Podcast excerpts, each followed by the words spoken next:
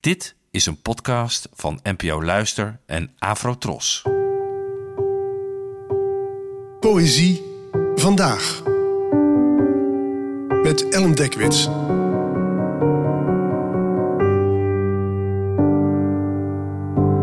Hallo, fijn dat je luistert. De gedichten die je zo gaat horen komen uit de cyclus Notities, Trillingen, Melkglas, Trapezewerk en werden geschreven door de Nederlandse dichteres Laurine Verweijen, geboortejaar onbekend. De ijzergloed bereikt mijn urine. Al dagen ruik ik, tot even grote verrukking als walging, alles op meters bij mij vandaan. Laag hangende ronkbeestjes zwermen afwachtend in mijn allerlaagste buik, hun kleine, maar steeds groter wordende gebied. Een melkglazen bol, vol auberginepaarse slierte, rolt in mijn bassin. De gebroken witte kelder. Pijn die opkomt is een trilling die ik terug naar beneden krom. Met lage tonen verspreid ik hem door mijn weke benen. Kramp balt in mijn bekkenschelp.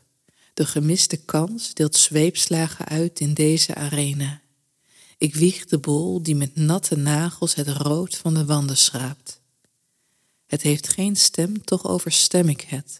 Laag, grommend, treed ik de krampen tegemoet, wijs ze de weg, weg, weg mijn lichaam uit. Het gewicht is te zwaar om in dit lijf te leven. Als natte handen langs een dik touw zinkt het log mijn benen in. Ik ken dit, toch overvalt het me, warm en nostalgisch, als een diepe herinnering die zich keer op keer aan mij wil laten zien. Hier bestond ik al. Dit ben ik altijd geweest.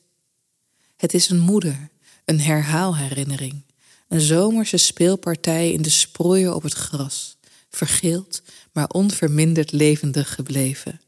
Ik vraag me telkens af: is het bedoeling dat ik nieuwe zomers maak en dan? Ja, soms als ik aan leerlingen vraag waar poëzie over kan gaan, dan uh, krijg ik als antwoord natuurlijk de grote onderwerpen: liefde, dood, verdriet. En uiteindelijk komen we samen tot de slotsom dat poëzie over van alles kan gaan.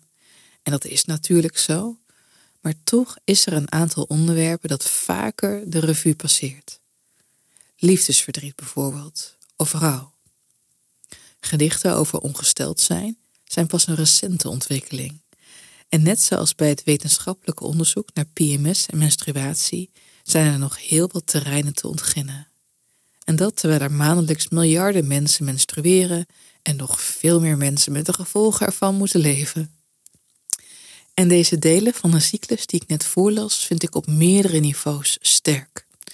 Allereerst beschrijven ze vrij exact hoe het kan voelen wanneer je bijna ongesteld bent. Hoe je zintuigen zich aanscherpen, hoe je meer gaat ruiken, hoe pijn uitstraalt naar je benen, maar ook wat de menstruatie feitelijk betekent: dat er geen bevruchting heeft plaatsgevonden. Daar had de cyclus kunnen stoppen en dan was het een heel sterke, maar ook descriptieve reeks geweest. Maar dan is er het slot van het laatste vers uit deze serie. Is het de bedoeling dat ik nieuwe zomers maak en dan? Wat een mooie vraag. En dan ook nog eens de lezer daarmee durven achterlaten. Bedankt voor het luisteren en tot de volgende keer. Afro Tros, de omroep voor ons.